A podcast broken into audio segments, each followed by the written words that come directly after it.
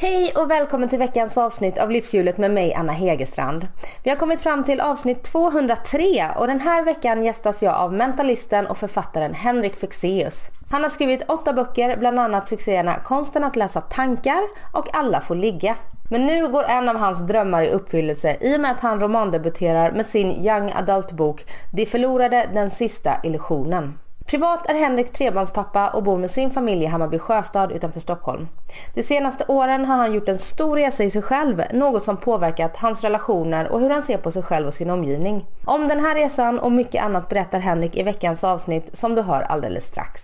Och mig hittar du på Instagram där jag heter Anna Hegerstrand och så finns Livshjulet ju på Facebook. Så gå in och gilla sidan så missar du ingenting vad gäller nya gäster eller annat kul kring podden. Nu Henrik Fexeus livshjul, varsågod.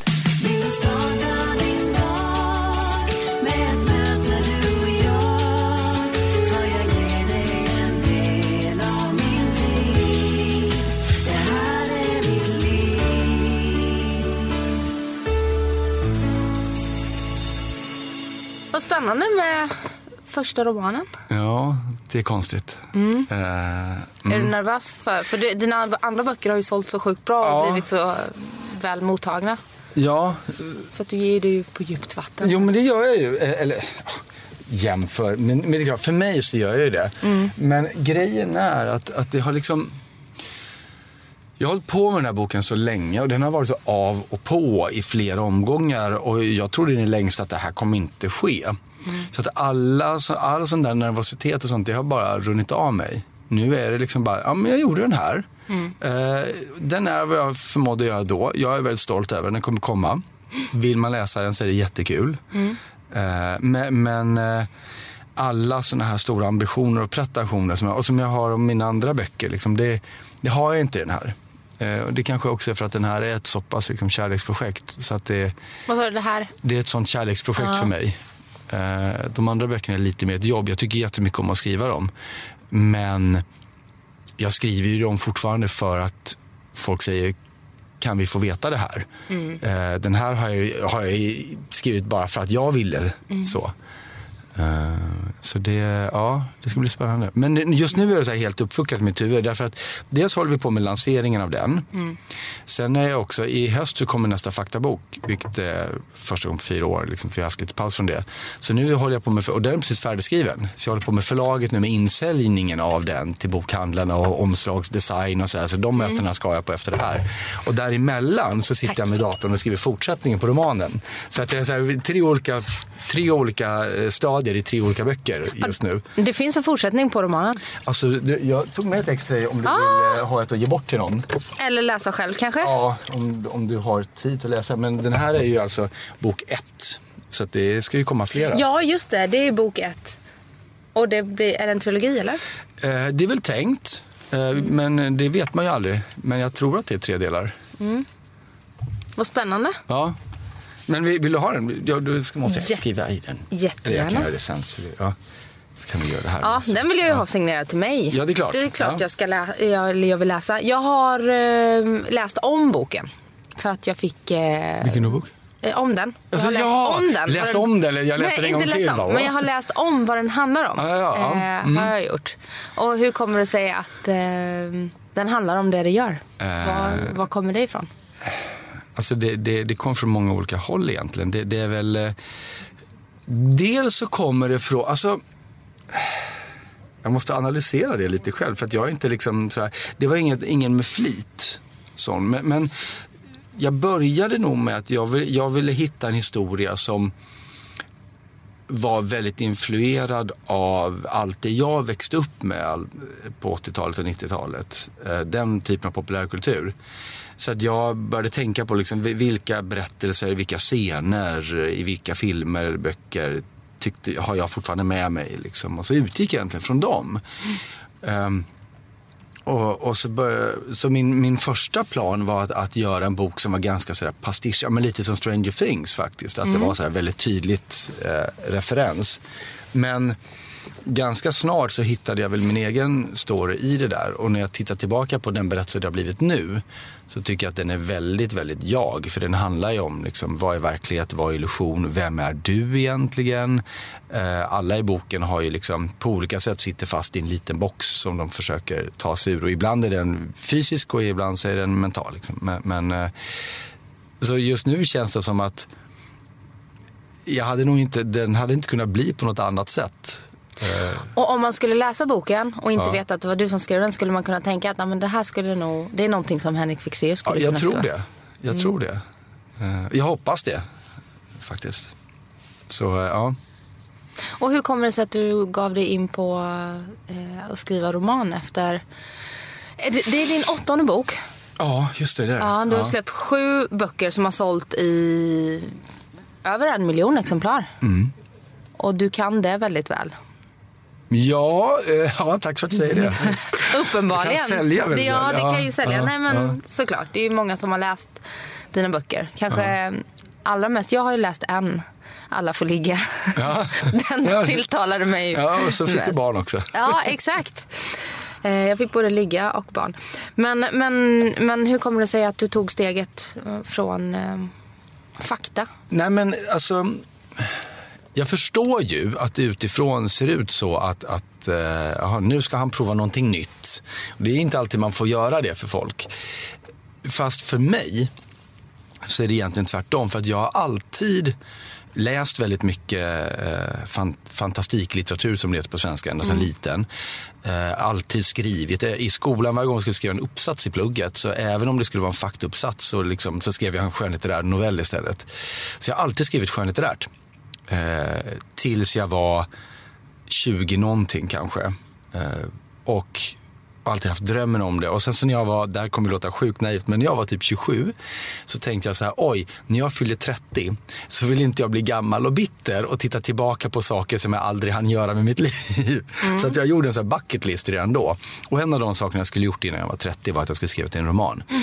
Så jag skrev en roman och så skickade jag in den till en massa förlag och så blev jag jätterefuserad med detta för den var fruktansvärt dålig. Men då hade jag i alla fall gjort det. Liksom. Så la jag det åt sidan och sen så eh, ett antal år senare så började jag göra det jag gör nu, liksom med det jag är mentalisten. Och, och det var, det var inte tänkt att bli böcker om det förrän någon sa att kan du inte skriva en faktabok om de här grejerna? För vi behöver mer än det du säger i dina föreläsningar. Jaha, så började jag skriva och då visste jag inte, undrar om någon ville läsa den. Och så ville folk läsa min första bok och tyckte att det gick bra. Så då började jag skriva fler böcker. Men för mig har det alltid varit någonting som jag jag ser inte mig själv som så här, jag är en författare av populärpsykologiska böcker om kroppsspråk. Jag råkar göra det, men det var lite en slump. Utan det skrivandet jag alltid har haft som jag vet är det här det jag vill göra, det har varit det skönlitterära skrivandet. Och 2012 så började vi känna att ja, men nu är det dags. Och då hade jag 2012, då hade jag, då hade jag hunnit skriva tre faktaböcker, tror jag. Eller fler? Nej. Nej, fler kanske. Du har ju släppt typ ja, en bok varje år sedan 2007. Du har rätt, jag hade skrivit sex faktaböcker. Konsten att läsa tankar när du gör som jag vill, alla får ligga. Konsten att få mentala superkrafter, bli kreativ på en timme, öka din sociala kompetens på en timme. Mm. Det var innan 2012. Ja, ja, just det. Nej, men, så, och, då, och då tänkte jag, nej men nu, nu ska jag ge det här, nu ska jag prova, nu ska jag skriva skönlitterärt. Mm. Och då närmade jag mig det ganska seriöst. Och det var inte så här, ja, ja, på kvällen när jag har tid, för då blir det aldrig av. Utan det jag tänkte var att jag ska, jag ska hitta ett halvår. Där jag ger mig själv ett halvår att prova att skriva en bok. Och, och funkar det inte på det halvåret, ja, men då vet jag att det inte var meningen. Så då, får jag inte, då måste jag föreläsa så pass mycket så att jag har en ekonomisk buffert att bara kunna sitta och skriva ett halvår. Jag kan inte vara ute på turné som jag var just då, 2012. Så att jag fick liksom börja förbereda. Men jag började bygga den här berättelsen. Så 2012 började jag bygga berättelsen. Jag kommer fortfarande ihåg, jag satt på Hotell Heden, i Liseberg Heden heter det mm. i Göteborg. För jag var i Göteborg med min föreställning I ditt huvud. Och satt i natten och, och drack whisky tror jag och, och skissade på en, på en bar näsduk, kände mig väldigt, väldigt bohemisk. Ja, och verkligen. försökte förklara den här världen för en god vän från Göteborg som var där och hälsade på. Så, det här, och de bor här och så är det så här. Så där började storyn födas. Men inte förrän 2014 hade jag det där halvåret jag kunde skriva. Så det tog liksom ytterligare ett och ett halvt år innan jag hade lyckats blocka ut den tiden. Ja, för jag tänker det, 2012, var inte det precis då du fick ditt tredje barn? nu ska vi se. Han fem, typ. han, han fyller sex i år och han är född 2011. Så att, ja, ja. Men det var ändå, du ja. hade ett väldigt litet barn hemma. Ja, det hade jag. Och då har man ju sällan tiden, tänker jag. Nej, och det visste jag ju. Liksom, att det här, ja. Jag måste mer planera det nu för att kunna göra det om några år. Mm. Uh, för jag insåg att det, det, jag kommer inte bara råka hitta den här tiden en dag, utan jag måste verkligen planera för det. Mm. Så våren 2014 uh, bestämde jag mig för. Så det var liksom ett ganska långt projekt. Och så skrev jag boken och sen så hade jag ingen aning om hur den var. Så då lät jag väl två personer som jag litar på väldigt väl och som inte har någonting att tjäna på, liksom, det, det är vänner till mig. Mm. Och så här, läs det här. Och jag tänker bara gå vidare med om ni på allvar säger att det finns någonting här som är vettigt. För jag vill inte att det ges ut en bok bara för att ja, men det är så Henrik Fexeus på den. Då kan vi nog sälja några exemplar innan folk upptäcker att den är skräp. Jag vill att det ska mm. vara bra. Mm. Och de gillade den och då gick jag och min agent till, till ett förlag och så blev den förlagd. Och sen började en enorm resa. Därför att eh, det här förlaget fick en massa omstruktureringar och min förläggare började på ett annat förlag. Och, så att jag stod utan förläggare och, eh, och bara väntade på att få höra någonting från förlaget och hörde ingenting. Och då tänkte jag, nej, nej, men det föll väl mellan stolarna. Det är inte hela världen. Det är inte alla bollar som eh, man kastar upp som kommer ner. Även att det var ett sånt hjärteprojekt, att du ja, brann så mycket för det. Jo, men det var ju, och, och jag ville ju, men samtidigt så, jag förstod, alltså så är det allt jag gör i hjärteprojekt. Och det, får man, man, det värsta som finns är att skriva tv-serier. Prata med vem som helst som jobbar med tv. Det är fruktansvärt slitsamt för själen. För man lägger ner all sin energi och alla sina tankar och idéer i en massa tv-projekt. Och ett av 50 av dem blir någonting någonsin kanske. Resten hamnar bara i papperskorgen. Mm. Så det, det, det, blir en sån jobbgrej att man får lägga sin själ i saker. Man vet inte om de blir av. Men då har man i alla fall gjort det. Jag har gjort det jag har kunnat. Och det får, jag får vara nöjd med det. Eh, plus att boken var ju slagen i spillror för innan min förälder, eh, förälder, innan min förläggare, mm. jag ser på henne som min förälder. Ja, det är ju lite det va? Ja, det var ju så. Hon sa någonting innan hon slutade och hon sa att ja Henrik, alltså vi har ett problem lite grann här nu. Därför att du kan inte skriva men du tror att du kan det. Så ibland funkar det, inte alltid, men du har ingen aning om när. Så vi får väl slänga de sista 200 sidorna, vi behåller de första 80, men det här blir nog bra. jag var så här, eh, va? Vad hon Varför? tyckte inte du kunde skriva? Nej, men hon hade ju också rätt. Eh, därför... Och då har du gett ut Ja, ja men grejen är, vilket jag upptäckte, att skriva skönlitteratur och att skriva facklitteratur. Mm. Eh, det är lite som att, jag brukar säga, det är som att jämföra att måla med att skulptera. Det, det, det, är två konstnärliga uttryck, men det är helt annorlunda verktyg. Jag kunde inte i min vildaste fantasi förstå att det kunde vara sån skillnad. Och jag fortfarande hittar nya saker hela tiden i det skönlitterära skrivandet eftersom jag håller på med fortsättningen nu. Mm. Som är, som är sån här jag känner mig korkad att jag inte har insett det här förut. Jaha, så. Nej, men just det. Därför att det, det är så två totalt olika approacher. Och det fanns inget sätt hon kunde förklara det för mig utan jag var tvungen att förstå det själv, att lära mig det. Eh, så det tillbringade jag ju då hösten 2014 med att göra. Mm. Och sen då så hände allt det här med förlaget. Men då hade jag börjat jobba med, på en föreställning som heter Box. Mm. Som jag skrev med Morgan Alling och som skulle ha premiär 2015. Just det, det berättade han när han var med i Livshjulet. Ja, mm. vad kul. Mm. Jag hoppas han sa något positivt om det. För det, det var, han. Ja, för det var, och det var så otroligt stort och roligt för mig. Och fortfarande är det det mest galna jag gjort i hela mitt liv. Och det var ändå min tredje stora turné. Men den var så här, det här är inte klokt vad kul det är. Så därför gjorde det ingenting att den här boken hamnade lite sådär på backburnern. Och sen så hörde förlaget av sig och sa, men nu har vi en förläggare, sorry att vi inte har hörts på, på sju månader. Mm. Men, men, din bok ska ju ut snart. Jag sa, nej men det går inte, jag ska på turné nu. Ja, så har det varit lite fram och tillbaka. Och, så och, och så fick vi ihop det, men nu i alla fall till slut så är vi framme. Och, och, nu är box slut och jag föreläser inte längre och kan bara fokusera på det här. Och det fina är att... Och vad är att bara fokusera på det här? Eh, på att eh, tycka om det. För det fina är att eftersom jag, jag skrev den och vi pratade lite om den med förlaget. Eller jag menar, vi började med den grejen och jag lärde mig att skriva bättre. Och sen gjorde jag box emellan. Jag föreläste. allt det här, alla förhoppningar och alla ambitioner att den här ska bli större än Hunger. Grejen är att om man har så mycket, jag har alltid väldigt höga ambitioner. Mm. Men då ställer man också ganska höga krav på alla runt omkring sig. Och det finns en risk att man också kan bli gruvligt besviken om det inte blir precis som man har tänkt sig. Mm. Men jag har kunnat skala av allt det där eh, och bara gilla det här. För grejen är, den här är ju ändå i någon form av, vi har ett fantastiskt bra ord på svenska som heter fantastik. Och, det, det, det, beskriver egentligen all litteratur som inte är strikt realistisk. Men då slipper man prata om är det urban fantasy, eller är det sci-fi eller är det steampunk. Man slipper sådana etiketter, utan nej, men det är fantastik. För mig är det samma sak som att säga att det är en berättelse.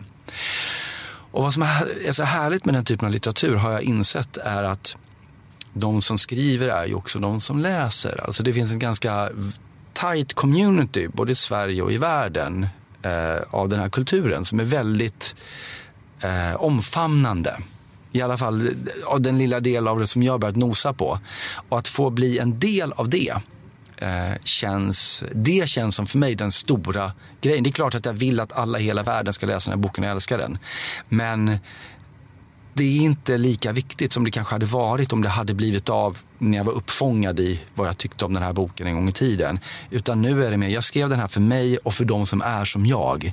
Jag hoppas att ni förstår dem och får jag bjuda dig på en kaffe. Alltså, och det känns, eh, det känns som ett väldigt skönt ställe att vara på. Mm. Eh, och du författare. skriver den inte för att bli rik då?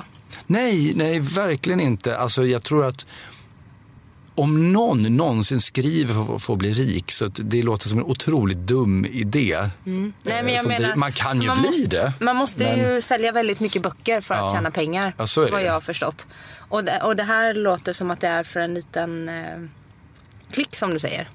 Um, som förstår den här typen av eh, fantastik. Jag, jag, jag upplever ju, jag hoppas ju att alla tycker om en bra berättelse. Mm. Jag, jag tror, jag menar, som alla författare säger, så det är klart att den här boken är för alla. Alla ska kunna läsa den. Mm.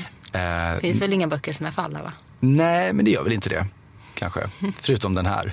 Ja, exakt. Men, men, nej, men det är inte så att jag med... Det var vad förlaget tvingade att säga. Ja, just det. Nej, men det, det, är inte så att jag med flit har så nischat in mig. Som bara, ah, men har du inte läst det här det här innan, har du inte de referenserna så förstår du ingenting. Så är det mm. ju inte. Nej. Eh, men... Eh, ja, nej, men jag har, det här kommer att låta jättekonstigt. Inte, jag brukar inte prata på det här sättet, men jag har en ganska så här...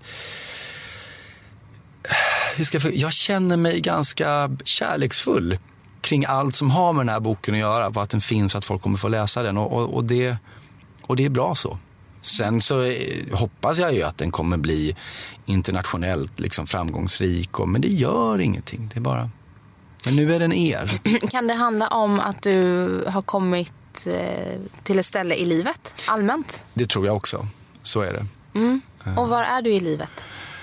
Um, ja, var är jag i livet? Det är så spännande att när du ställer den frågan, det första som dyker upp i mitt huvud är ju eh, så här, jobbmässigt. Jo, jag håller på med tre böcker, och, men det är ju inte det, är inte det sanna svaret. Men, men jag tror att jag också har överlag, jag har haft ett år av, av ganska mycket analys kanske av min egen tillvaro. Och eh, hittat en ma massa sanningar som jag är lite förbluffad över att jag inte förstått innan. Ehm, det, det, det är det som är för, för mig det problematiska med att upptäcka nya saker om sig själv. Att jag blir lite röd om öronen för att jag inser att men herregud, har jag inte fattat det här innan? Mm. Va, va, hur ogenomtänkt är jag egentligen? Uh, men jag tröstar mig med att jag tror att det är så det är för alla kanske. Uh, så jag... Uh, men, vilket har gjort att jag lyckas ha en helt annan förhållning till min relation, Eh, till, till vad jag gör yrkesmässigt och, och till mig själv och till min, min familj. Eh, eh, så, så, en stor grej är att, att jag ska eh, gifta mig nu till exempel. Oj, och, grattis! Och det, ja, tack. Eh, och det kanske inte låter som en big, men jag har då levt ihop med samma fantastiska person i nio års tid.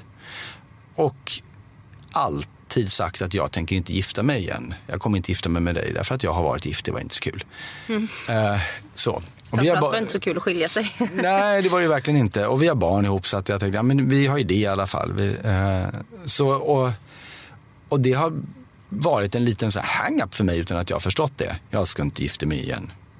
Uh, så, så, bara den förändringen som kan verka väldigt ytlig har ganska djupa Det tog ett år att komma fram till den. Hur kom det, du fram till den då? Um, det var väl många processer i det.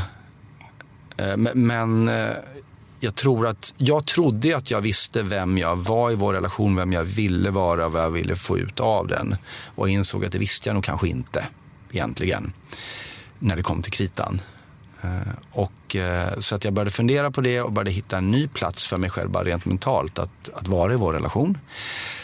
Och, och så tänkte jag så här, eftersom jag ibland är lite för analytisk, så tänkte jag, för det var förra sommaren som hade de här tankarna. Ja, ja, men det, det, är ju, det är ju lätt tänkt i augusti när man har fått massa D-vitamin och livet känns ganska behagligt att, att, att må bra. Men, men, om vi också överlever vintern, därför att min familj är kanske så många, men vi går sönder på vintern. Alla blir, mars är liksom, då vill alla mörda varann. Mm. Jag och min sambo alla barnen. Mm. Och känner, men om jag fortfarande kan känna det här i mars utan att behöva anstränga mig, om jag kan behålla den här nya platsen utan att det ska vara en ansträngning att aktivt göra det, då vet jag att jag har hittat rätt. Eh, och eh, så kom vintern och då blev det ju så nej men så här är det, liksom. nu, nu har jag förstått det här. Och sen så eh, käkade jag lunch med en nyfunnen vän som heter Oskar som hade gjort lite samma grej. Varit gift, tyckte att det var inte så bra eh, och nyligen gift sig med den kvinna som han har levt ihop med i åtta år. Eh, och han hade kommit på det, eller han sa till mig, men Henrik, det är jättebra att du har kommit på det här nu, för jag har tänkt på en sak. Varför ska din nuvarande kärlek få lida för att du har varit i dåligt äktenskap? Nej, det, det har du ju rätt i förstås. Eh, så det var väl många smådelar, men eh, ja.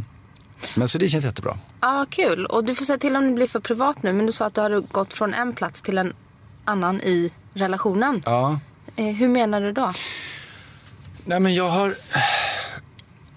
Jag har väl, och jag tror att det är signifikant för hur jag lever mitt liv, att jag, jag är ganska rastlös.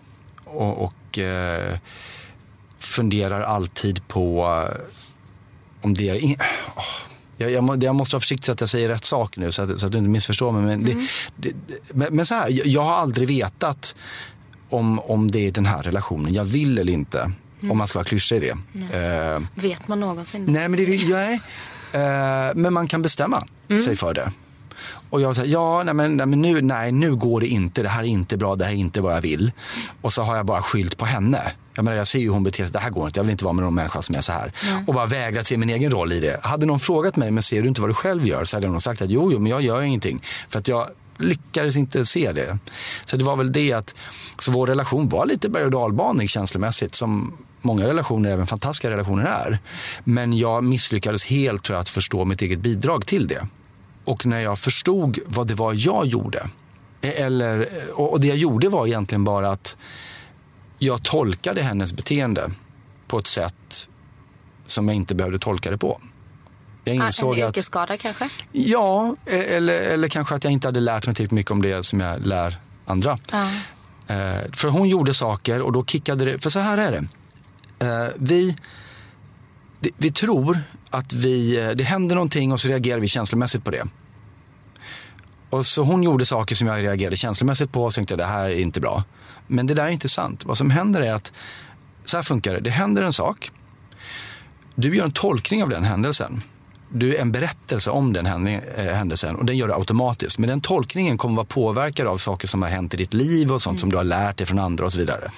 Och det är den tolkningen som du sen reagerar känslomässigt på. Och om man inser att det är så, den här händelsen den kanske alltid kommer hända. Men om man kan få fatt på men vad gör jag för tolkning av det här och varför gör jag den tolkningen? Och ännu viktigare, kan det finnas andra sätt att tolka samma händelse på?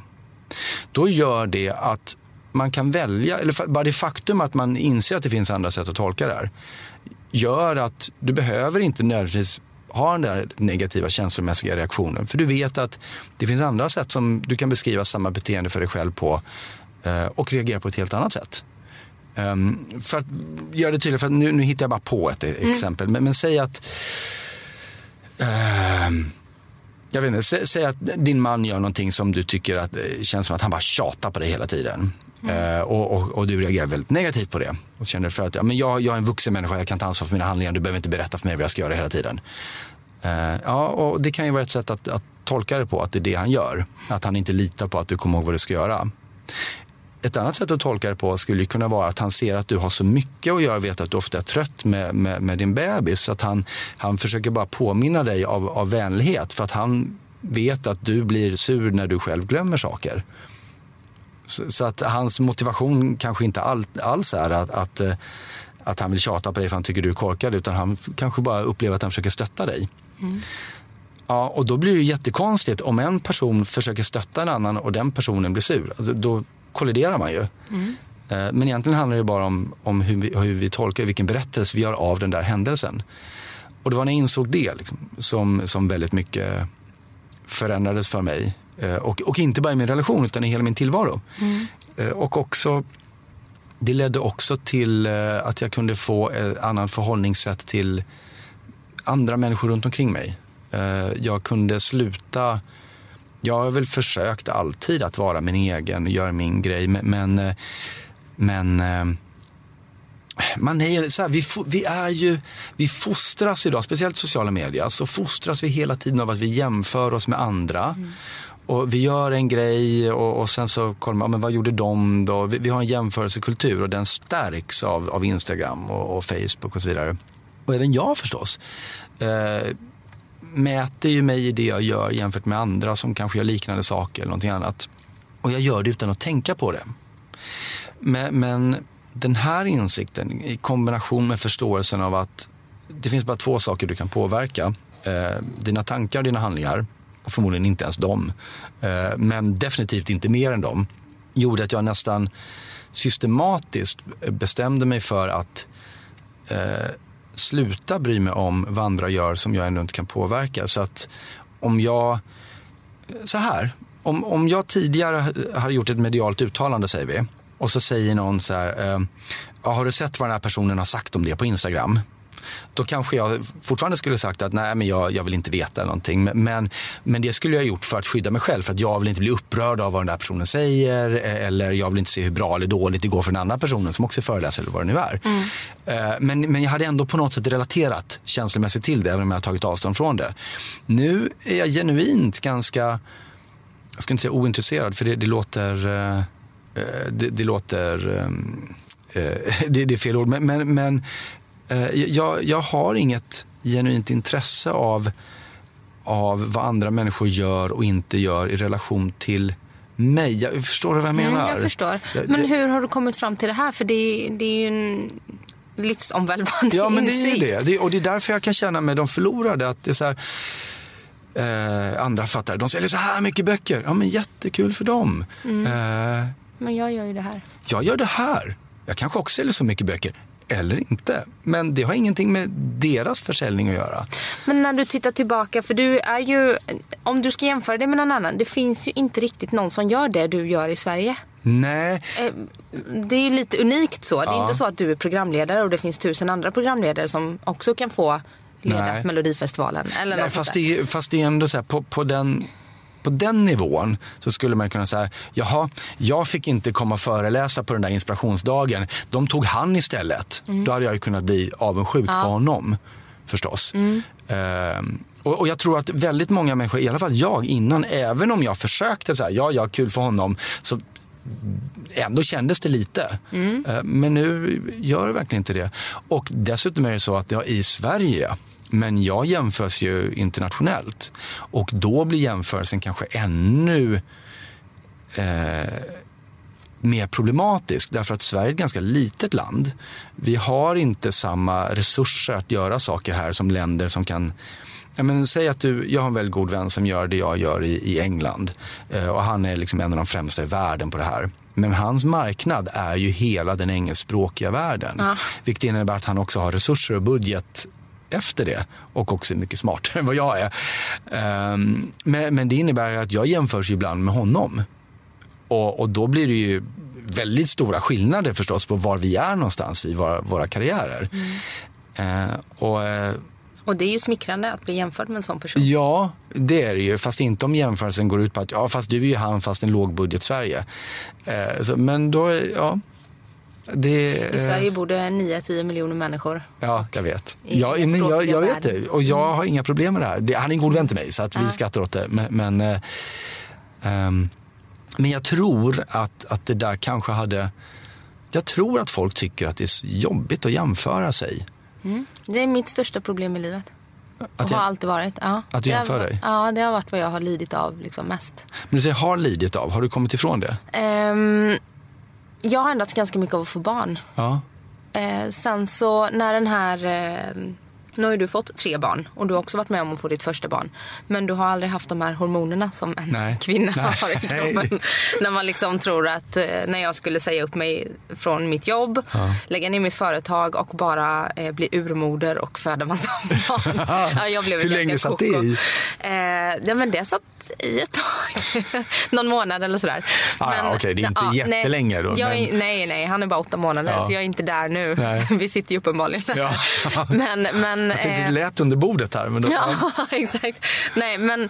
men eh, man ändras av att få barn. Ja, Eller jag har ändrats av att få barn i alla fall. Men jag är, märker också att jag börjar gå tillbaka mer och mer till att börja jämföra nej, med min podd med andra poddar och ja. det jag skriver med det andra skriver och sådär. Ja.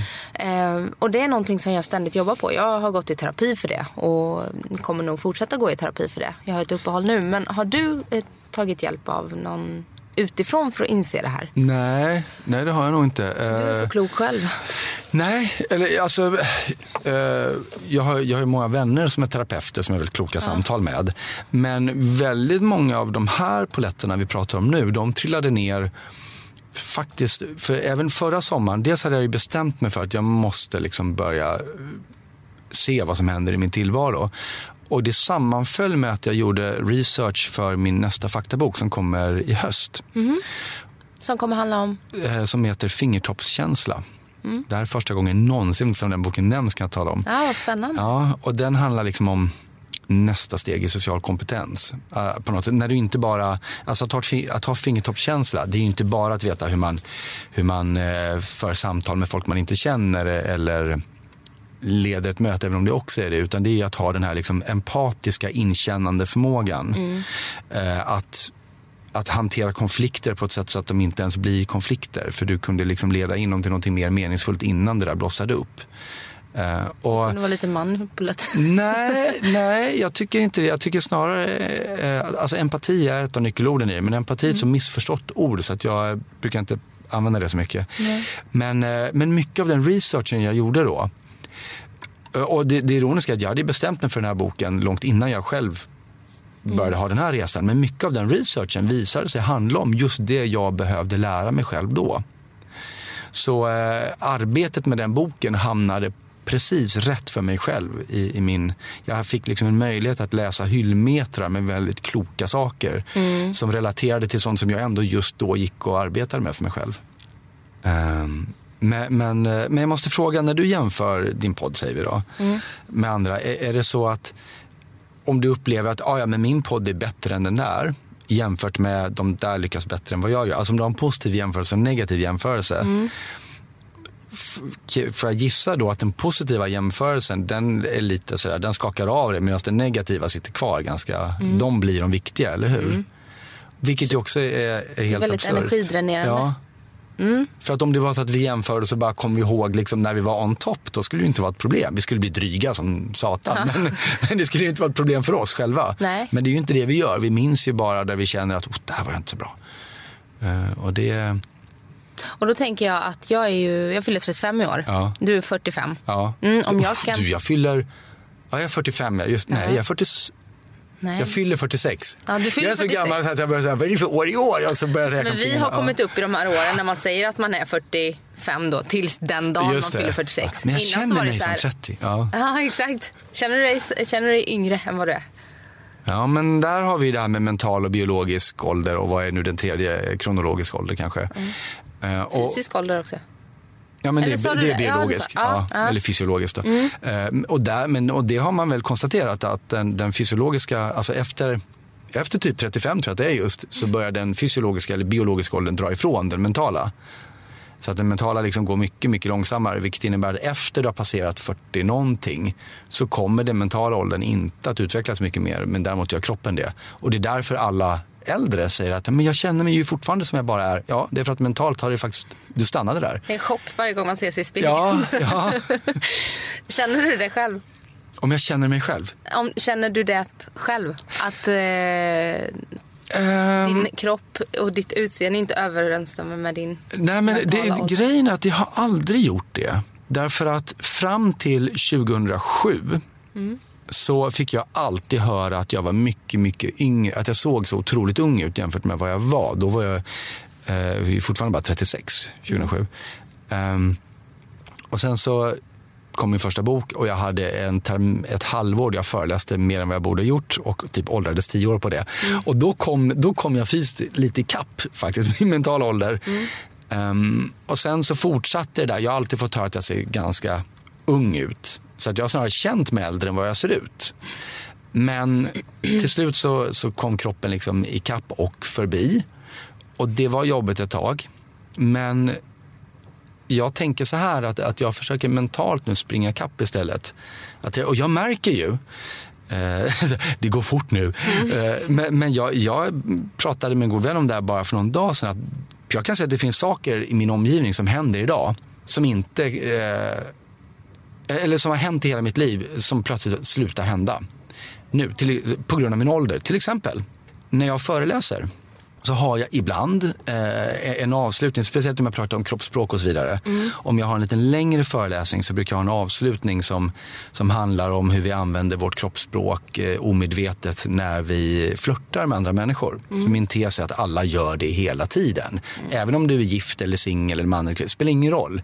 Därför att eh, en oskyldig flört, en omedveten oskyldig, det är egentligen bara lite social bekräftelse. Jag tänkte precis säga det, det är ju vårt bekräftelsebehov ja, som alla har. Ja, och, och de som är socialt duktiga de vill göra det igen jämt. Och då brukar jag prata lite om vad det är vi gör och så tar jag upp en person på scenen och så visar jag, liksom, eller vi tillsammans visar.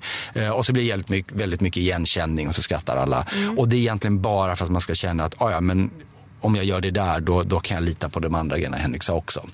För ibland kan det vara lite knöligt att höra om sitt eget kroppsspråk. Hur som helst. Eh, men det blir ju ändå, det, det blir ju lite flörtigt eh, överlag. Temat blir ju liksom lite flörtigt. Mm. Sådär. Och, och det har varit fine det har varit toppen. Tills för typ ett och ett halvt år sedan när jag upptäcker att jag kan inte längre göra det här för en publik som är yngre än 40 själva. Därför att mhm. jag blir nu lite fula gubben. Jag kan inte, fram till det året hade jag en publik som var så här... Gymnasieklass och ta upp en 17 ja, nej, men, och det, Jag stod inte och flörtade med den personen, men det spelar nej, ingen roll. Nej. Hade jag en publik som var 28-29 års åldern, fram till alldeles nyss, så var det alldeles utmärkt. Jag kunde flörta lite med dem, vi kunde garva åt det.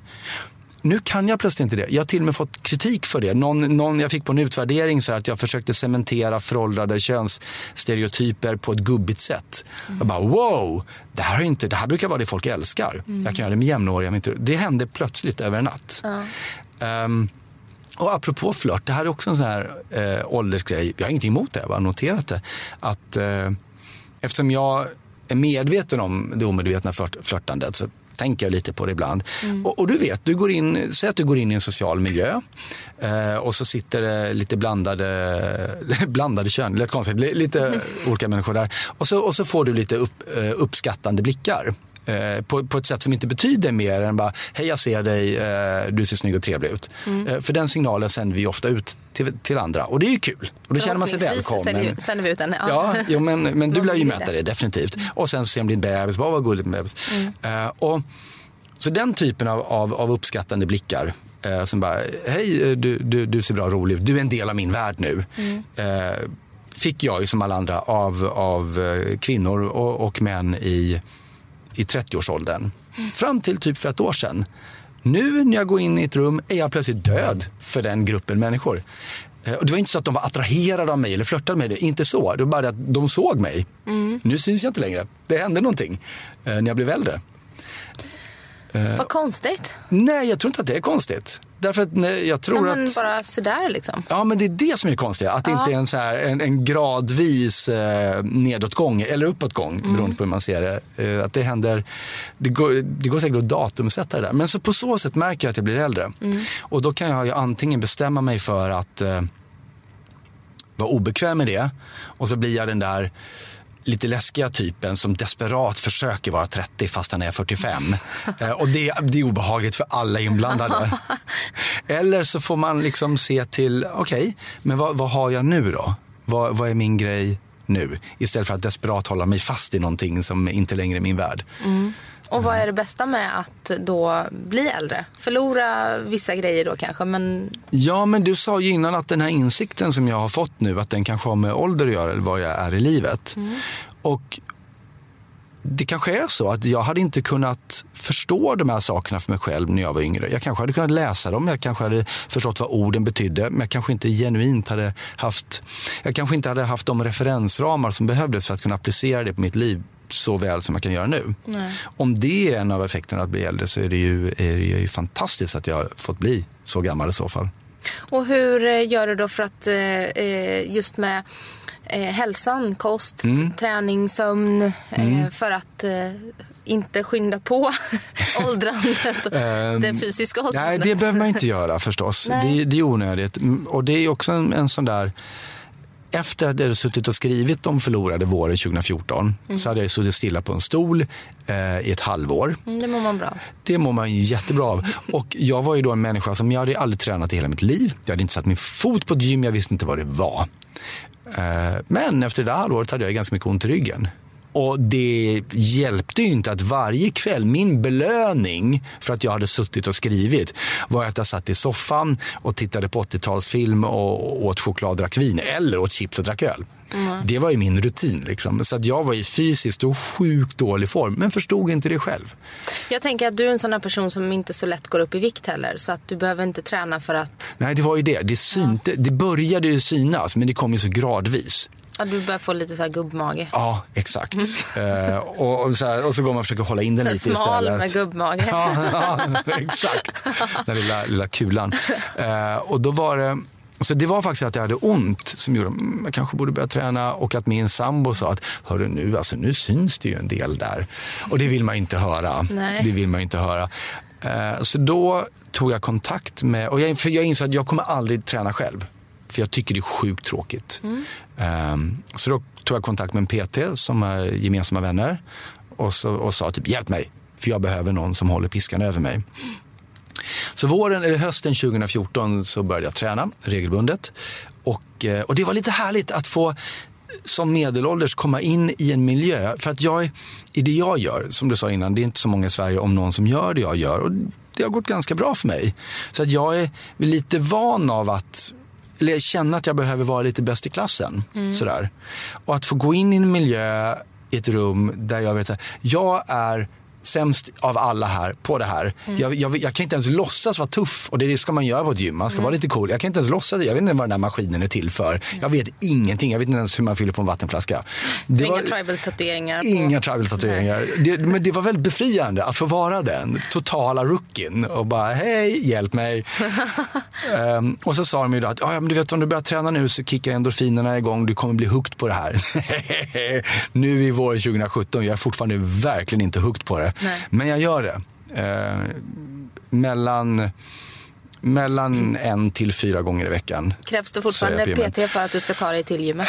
Ja, men ja, fast inte alltid. Nu, nu lyckas jag ha ett gym som ligger på vägen till och från dagis. Mm. Så jag kan när jag lämnar eh, på dagis så kan jag smita in där, liksom köra 40 minuter. Eh, så där är jag väl två till fyra gånger i veckan. Eh, och det är bra. Jag mår ju bra av det fysiskt. Men Jo, och det leder ju förstås också till att jag äter ju bättre. Därför att öl och broccoli är inte så kul Gott ihop. ihop och jag gillar broccoli så då kan jag hellre välja det. Sömn är svårare med. Eh, jag har ju alltid varit en nattmänniska, även när jag fick barn. Eh, och jag är som mest kreativ då. Men med tre barn så märker jag att det funkar inte. Så jag försöker tvinga mig själv in i någon form av, av, eh, av naturligt sömnmönster. Det går sådär. Mm. Men, men, jag tänker i alla fall väldigt mycket på det. Så att, eh, ja. Du är ingen morgonmänniska då? Ja, nej, det är jag ju inte. Jag, är ju jag har ju tvingat mig att åtminstone vara fungerande på morgonen. Mm. Men väldigt länge kunde jag ju inte ens äta frukost förrän klockan tio för då var inte mitt system igång. Nej. Men det är ju, en fördel med att träna är ju att du får mycket mer regelbunden kost. Eller du äter hela tiden i princip. Mm. Um, så nu uh, 6.30 då har jag liksom gjort frukost för åt familjen, vilket är egentligen mitt i natten för mig. Mm. Eh, men, men, och där är också här, ska ni prioritera att nej, jag måste sitta på nätterna och vara kreativ och skriva. Jag ska sova och ni får fixa er själva. Eller ska jag försöka vara en bra en bra pappa här istället. Mm. Då får man ju se till att välja rätt där. Mm. Och hur, hur funkar det då? För att du har ju inget regelbundet jobb. Nej. Eh, hur eh, kan liksom en, en dag se, eh, se ut? För du sa att du gick och tränade på väg ja. till och från dagis. Är det du som hämtar och lämnar? Eh, inte alltid. Inte alltid. Nu har min sambo eller fru in vardande då har faktiskt pluggat tre år, bestämt för att göra någonting annat i, i livet. Så då har vi kunnat synka det ganska bra. Men, men eh, vi försöker, hon är väldigt duktig på att försöka avlasta mig. Men mitt liv ser väldigt, väldigt annorlunda ut. Därför att om jag håller på med en föreställning, ja, då kanske det är repetitioner. Ja, men då, då är det som ett vanligt kontorsjobb. Jag åker till teatern samma tid varje morgon. Vi repar hela dagen. Eh, men om jag spelar, ja då betyder det att dagtid så kanske jag sitter och skriver på mitt kontor på en bok. Och sen torsdag, fredag, lördag, söndag, eh, eftermiddag eftermiddag, kväll är jag på teatern och spelar. Eller är bortrest på turné.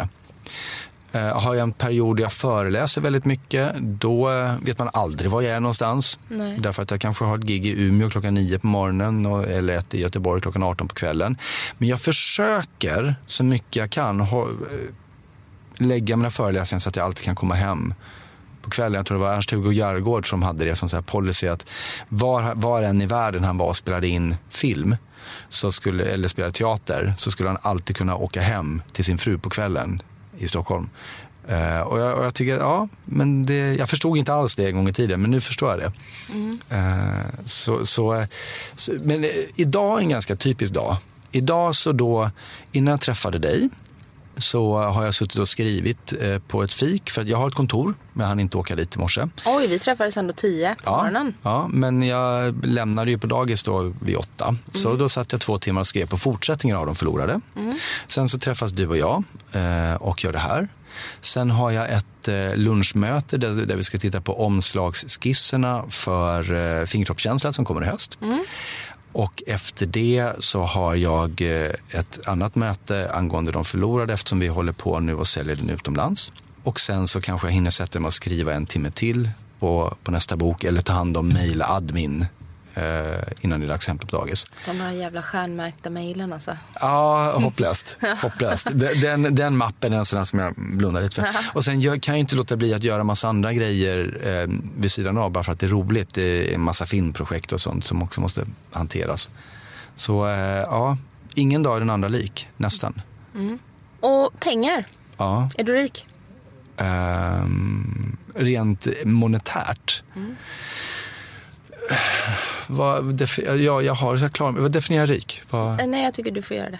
Ja, jag tycker det där är väldigt svårt därför att för mig, jag är, så här, jag är skitdålig med pengar. Ja. Eh, jag har inte investerat i fastigheter eller, eller ens om jag skulle kunna göra det. Du bor ändå i eh, jag bor, Hammarby Sjöstad? Jag bor i Hammarby Sjöstad, där är mm. ganska dyrt att bo. Väldigt. Absolut, men, men jag skulle inte kunna bo där själv. Nej. Eller om jag gjorde det skulle jag vara korkad. Mm. Men jag behöver inte bo där. Jag menar, innan det bodde jag i Bagarmossen. Min, min eh, sambo bodde i Aspudden. Så råkade vi hitta Sjöstan tillsammans. Men jag skulle gärna kunna bo i Bagarmossen också. Det var mycket billigare. Mm. Fast nu är det inte så jättestor skillnad längre. Men, men rik, alltså så här. Pengar, problemet med pengar är att det är väldigt, väldigt abstrakt för det är bara siffror. Mm. Och grejen är, 10 kronor, det kan vi föreställa oss visuellt vad det är, vi vet vad, det får, vad vi får för det. 100 kronor kan vi också se framför oss vad det är. Men redan 1000 kronor, där börjar det bli svårt att förstå vad det faktiskt är. Vi kan se att det är si så stor procent av vår hyra kanske. Men att förstå 1000 som mängd, mm. det är ganska mycket. Och ökar vi det då, jag menar, vad är det för skillnad på en miljon och på 10 miljoner i pengar? Alltså det, det är så abstrakt. Vilket innebär att, att eh, det är väldigt svårt för mig att dra en gräns vid vad är rikedom? Är det vi si och så här många miljoner eller är det vi si och så här många tusen? Eller är det att, att se det i kronor. Mm. Um, jag har, plus att min ekonomi ser också ut så här, att, vilket är jätteroligt. Resumé gjorde en, en, en, artikel om mig för något år sedan om hur katastrofalt dåligt det gick för mig ekonomiskt. Jaha. Ja, eh, därför min värld ser ut så här att om jag är ute på turné i, i sju, åtta månader har jag ingen inkomst i sju, åtta månader förrän turnén är klar och jag fakturerar den. Eller om jag fakturerar efter turnén? Ja, mm. ibland kanske halvvägs. Liksom. Men, mm. men, eller om jag skriver en bok, ja, då får jag ett förskott. Och sen skriver jag och sen kommer boken ut i handen. Sen får man royalty en gång om året. Vilket innebär att säg att jag ett år sitter, är ute på turné, eller först, först sitter och skriver, sen åker jag ut på turné och har inte hunnit föreläsa någonting. Då har jag typ ingen inkomst i året på pappret. Eh, förutom royalties som kommer från utlandet kanske. Men nästa år när jag får min första royalty för den här boken jag satt och skrev på och mm. turnén är slut. Då plötsligt drar jag in hur mycket pengar som helst. Mm. Så beroende på vilket år det är så ser det ut som att jag har jättemycket pengar eller inga pengar. Ah, ja. eh, och så ser det också ut lite på kontot då förstås. Ja. För jag lyssnade på, um, på Värvet, Kristoffer Triumfs ja. intervju med Camilla Läckberg. Ja. Då försökte han ju luska lite hur mycket hon tjänade. Ja. Och då så läste jag mellan raderna på att man får ungefär 10 kronor per bok. Och du har ju sålt över en miljon böcker. 10 kronor per bok, det räcker inte. Eller det beror på vilket land och vilket, om det är pocket ja, okay. eller inbundet. Mm. Uh, så då, tänk, då tänker jag bara att uh, om man säljer så många böcker som du gör så ja. tjänar man ju helt plötsligt pengar på böckerna. Absolut. Uh, men då ska man veta att den miljonen böcker är ju inte, alla de är ju inte sålda i Sverige. Mm. Och utomlands så är det ju så att för det första har man väldigt dålig koll på hur mycket som egentligen säljs. Mm. Eh, och i Kina till exempel, nu säljer jag för det väldigt bra i Kina, men jag får... Jag såg några bokomslag i Kina som ja, du själv skrattar åt. Ja, det är helt vansinnigt. Ja. De, de, har, Kina har en kultur, precis som Indien, av att det är lite fult att be om hjälp. Vilket innebär att de kunde inte sätta det svenska omslaget på maktspelet därför att en vit man med horn, alltså de, den vita djävulen, det blir bara Nej, konstigt. Så de var tvungna att och då vågade de uppenbarligen inte, där är min analys, de vågade inte be om en ny bild. Så de byggde ihop en egen bild av några olika bokomslag och någon hand som de själva fotograferat som de försökte sätta på min kropp så att jag skulle kunna peka på. Eh, men den handen är alldeles för liten och har andra kläder än vad jag har på resten av kroppen. Det är så konstigt. Så att det, eh, men i alla fall, jag, jag, tror att om jag kanske får en halv, för 50 öre för varje såld bok i Kina. Alltså, mm, okay. mm. så. Tur att det bor så många människor i Kina. Ja, exakt. exakt. ja, Okej, okay, ja, jag fattar. Nej, men jag tycker det är lite roligt och för pengar är ju ändå, det är ett brännande ämne. Ja. Och eh, olika människor har olika definition på ja. hur mycket pengar man behöver. Ja, nej men så här, jag behöver, jag tycker att jag, om någon, om någon tittar på mitt bankkonto så skulle nog den personen säga, men du är inte speciellt rik. Eh, nej, men, men eh, jag lever ett liv som jag tycker är väldigt behagligt och jag får göra det jag vill göra. Om jag vill bli rik, då, då skulle jag inte liksom ta ett halvår off äh, och, och, skriva en bok utan, eller ens hålla eller på med en föreställning. Eller så är du så rik så att du har möjlighet att göra ja, ja, just det. Nej, men då skulle jag bara vara ute och föreläsa till exempel. Mm. Äh, för det tjänar man mycket pengar på. Mm. Men, men, men, det ger mig inte samma sak. Och, äh, och dessutom, jag innan, innan jag gjorde det jag gör nu, alltså jag kommer ihåg när jag höll på med amatörteater och så vidare, eh, eller när man var student, när det var så här, ja men imorgon kommer studiebidraget, så att, och jag, men jag är lite hungrig till ikväll, men det är lugnt, jag får äta frukost imorgon. Eh, jag är inte rädd för att vara där, alltså det stör mig inte. För, för att jag, jag, har alltid fullt förtroende för att, att eh, den situationen kommer inte vara bestämd. Alltså, det är inte jag har tillräckligt mycket pengar för att inte tänka på pengar. Men, men, det är aldrig en drivkraft och det är inte heller någonting jag är rädd för att inte ha. Nej. Det är aldrig någonting som, som är sådär, nej jag kan inte göra det där för att nu börjar det sina på kontot. Det inte, det, den biten kommer ordna sig. Mm. Du, du berättar om din bucketlist som du skrev. Ja, den ja. ja. Kan du inte berätta, vad, vad är kvar på bucketlisten? Nej men alltså grejen är att den jag skrev då när jag var 26, mm. eh, betade jag ju av. Vilket, ja, den, är, den är färdig? Ja, den var färdig. Men den var ju också fruktansvärt naiv naturligtvis. Mm. Eller, nej, nu, ska jag, nu är jag elak mot mitt 26-åriga jag här. Den var inte alls naiv. Den, den var... Bara 26-årig? Den var en 26-årigs eh, vision av, av världen. Och idag har jag ingen bucket list. Det kanske är jag som har dålig fantasi. Det kanske borde, jag borde ha en sån lista som jag skulle vilja träffa de här, de här personerna. Jag skulle vilja åka till Grand Canyon. Men grejen är, det är lite som samma sak som det här med drömmar. Jag har inga drömmar. Jag har mål. Därför att om jag kommer på någonting som är wow, det där. Om jag vill det så mycket, då ser jag också till att det händer. Och vill jag det inte så mycket att jag ser till att det händer, Ja, då vill jag uppenbarligen inte jättemycket, så varför, då har jag ju inte ens som en dröm. Men drömmen, det kan ju vara ett mål fast, fast du inser att du är på en plats i livet där du inte har Att det är ouppnåeligt? Ja, ja, att du har möjlighet att jobba mot det just nu. Jo. F ja. Det kan vara ett mål för framtiden. Ja, men det var ju det jag gjorde med, med De förlorade. Jag vill, göra, jag vill skriva skönlitterärt. Jag kan inte göra det nu. Men om två år, om jag planerar för det nu, kan jag börja om två år. Eh, jag, så här, en annan åldersgrej är att jag plötsligt har blivit väldigt medveten om min egen dödlighet. Men mitt enda sätt att eh, röra mig genom livet det är att göra som jag gjorde när jag var tio år och inbilla mig att jag har oändligt med tid. Någon gång kommer jag behöva avbryta ett projekt för att jag dör och då kommer jag bli förvånad. Eh, men fram tills dess, så mitt enda sätt att, att verka på är att fortfarande göra tioårsplaner, eller 15-årsplaner eller tvåårsplaner om det krävs. Mm. Därför att annars man, skulle man ju stanna av i förtid bara för att om 30-40 år så kommer jag dö så det är nog bäst att inte tänka för långt. Alltså det blir helt bisarrt. Mm. Eh, så, men det är klart, eh, och, och, det är också det att jag är av, jag har den naiva synen på Israel att ingenting är ouppnåbart. Vill du det till? Alltså så här, jag vet ju i, i verkligheten att jag hade en dröm som liten att jag skulle upp i rymden. Just nu så vet jag att det, det är ganska osannolikt därför att jag är lite för gammal för att gå igenom en astronautträning. Så att då skulle man kunna tänka att ja, men, så det är ouppnåbart. Det kan du fortsätta ha som en dröm då Henrik, för det vet jag att det inte kommer hända. Men kan man inte köpa en biljett? Exakt, nu har rymdturismen börjat. Ge det 15 år till. Just nu är det bara, det är fortfarande så att det är en jädra träning. Det är bara några få människor som har köpt den där biljetten. Renata Slumska tog ett stort lån för att köpa. Gjorde hon det? Mm. Ah, grymt! Mm. Love her.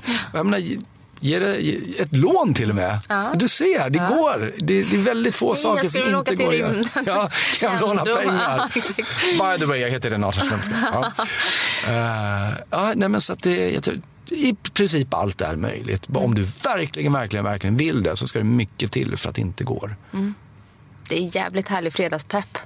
Ja, men är det inte lite så också? Nu är det onsdag när eh, de, lyssnarna hör, men det är fredag ja, för oss. Ja, ja. ja jo, Kanske blir, blir fredag för lyssnarna nu i, i huvudet. Exakt.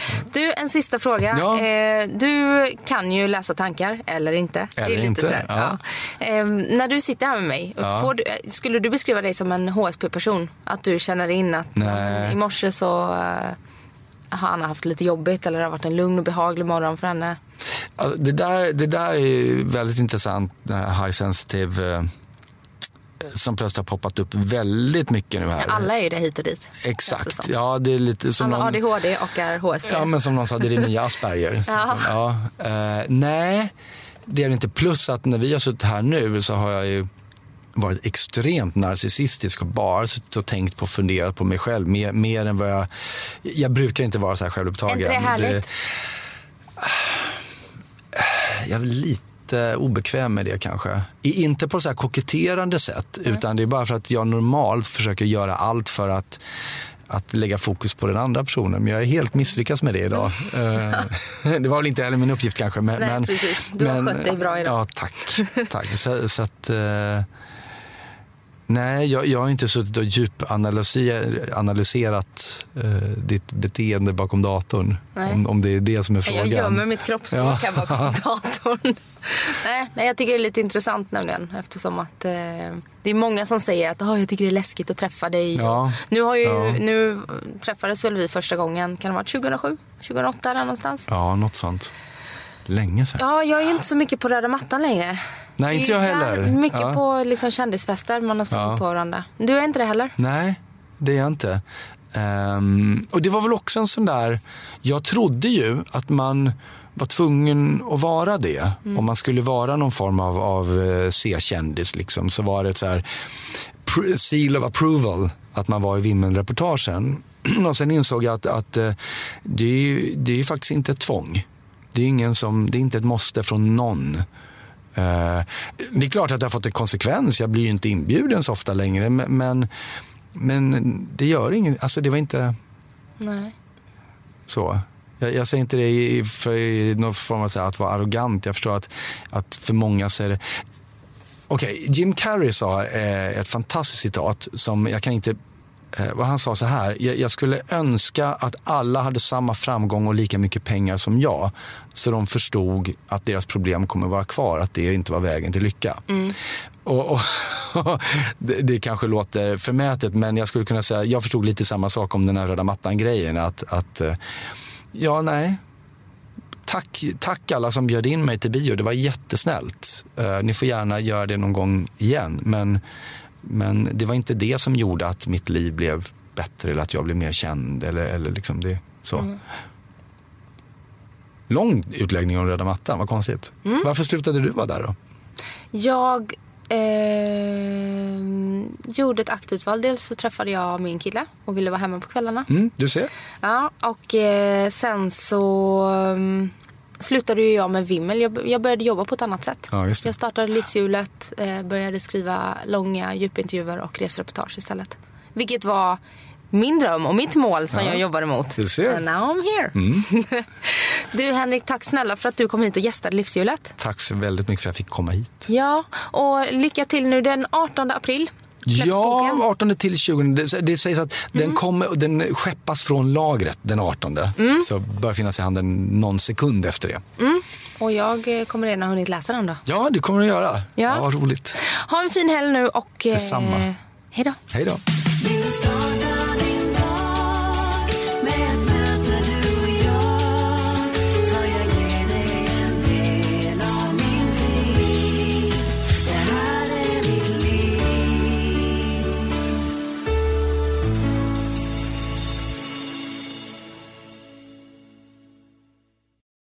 Med Hedvigs hemförsäkring är du skyddad från golv till tak oavsett om det gäller större skador eller mindre olyckor.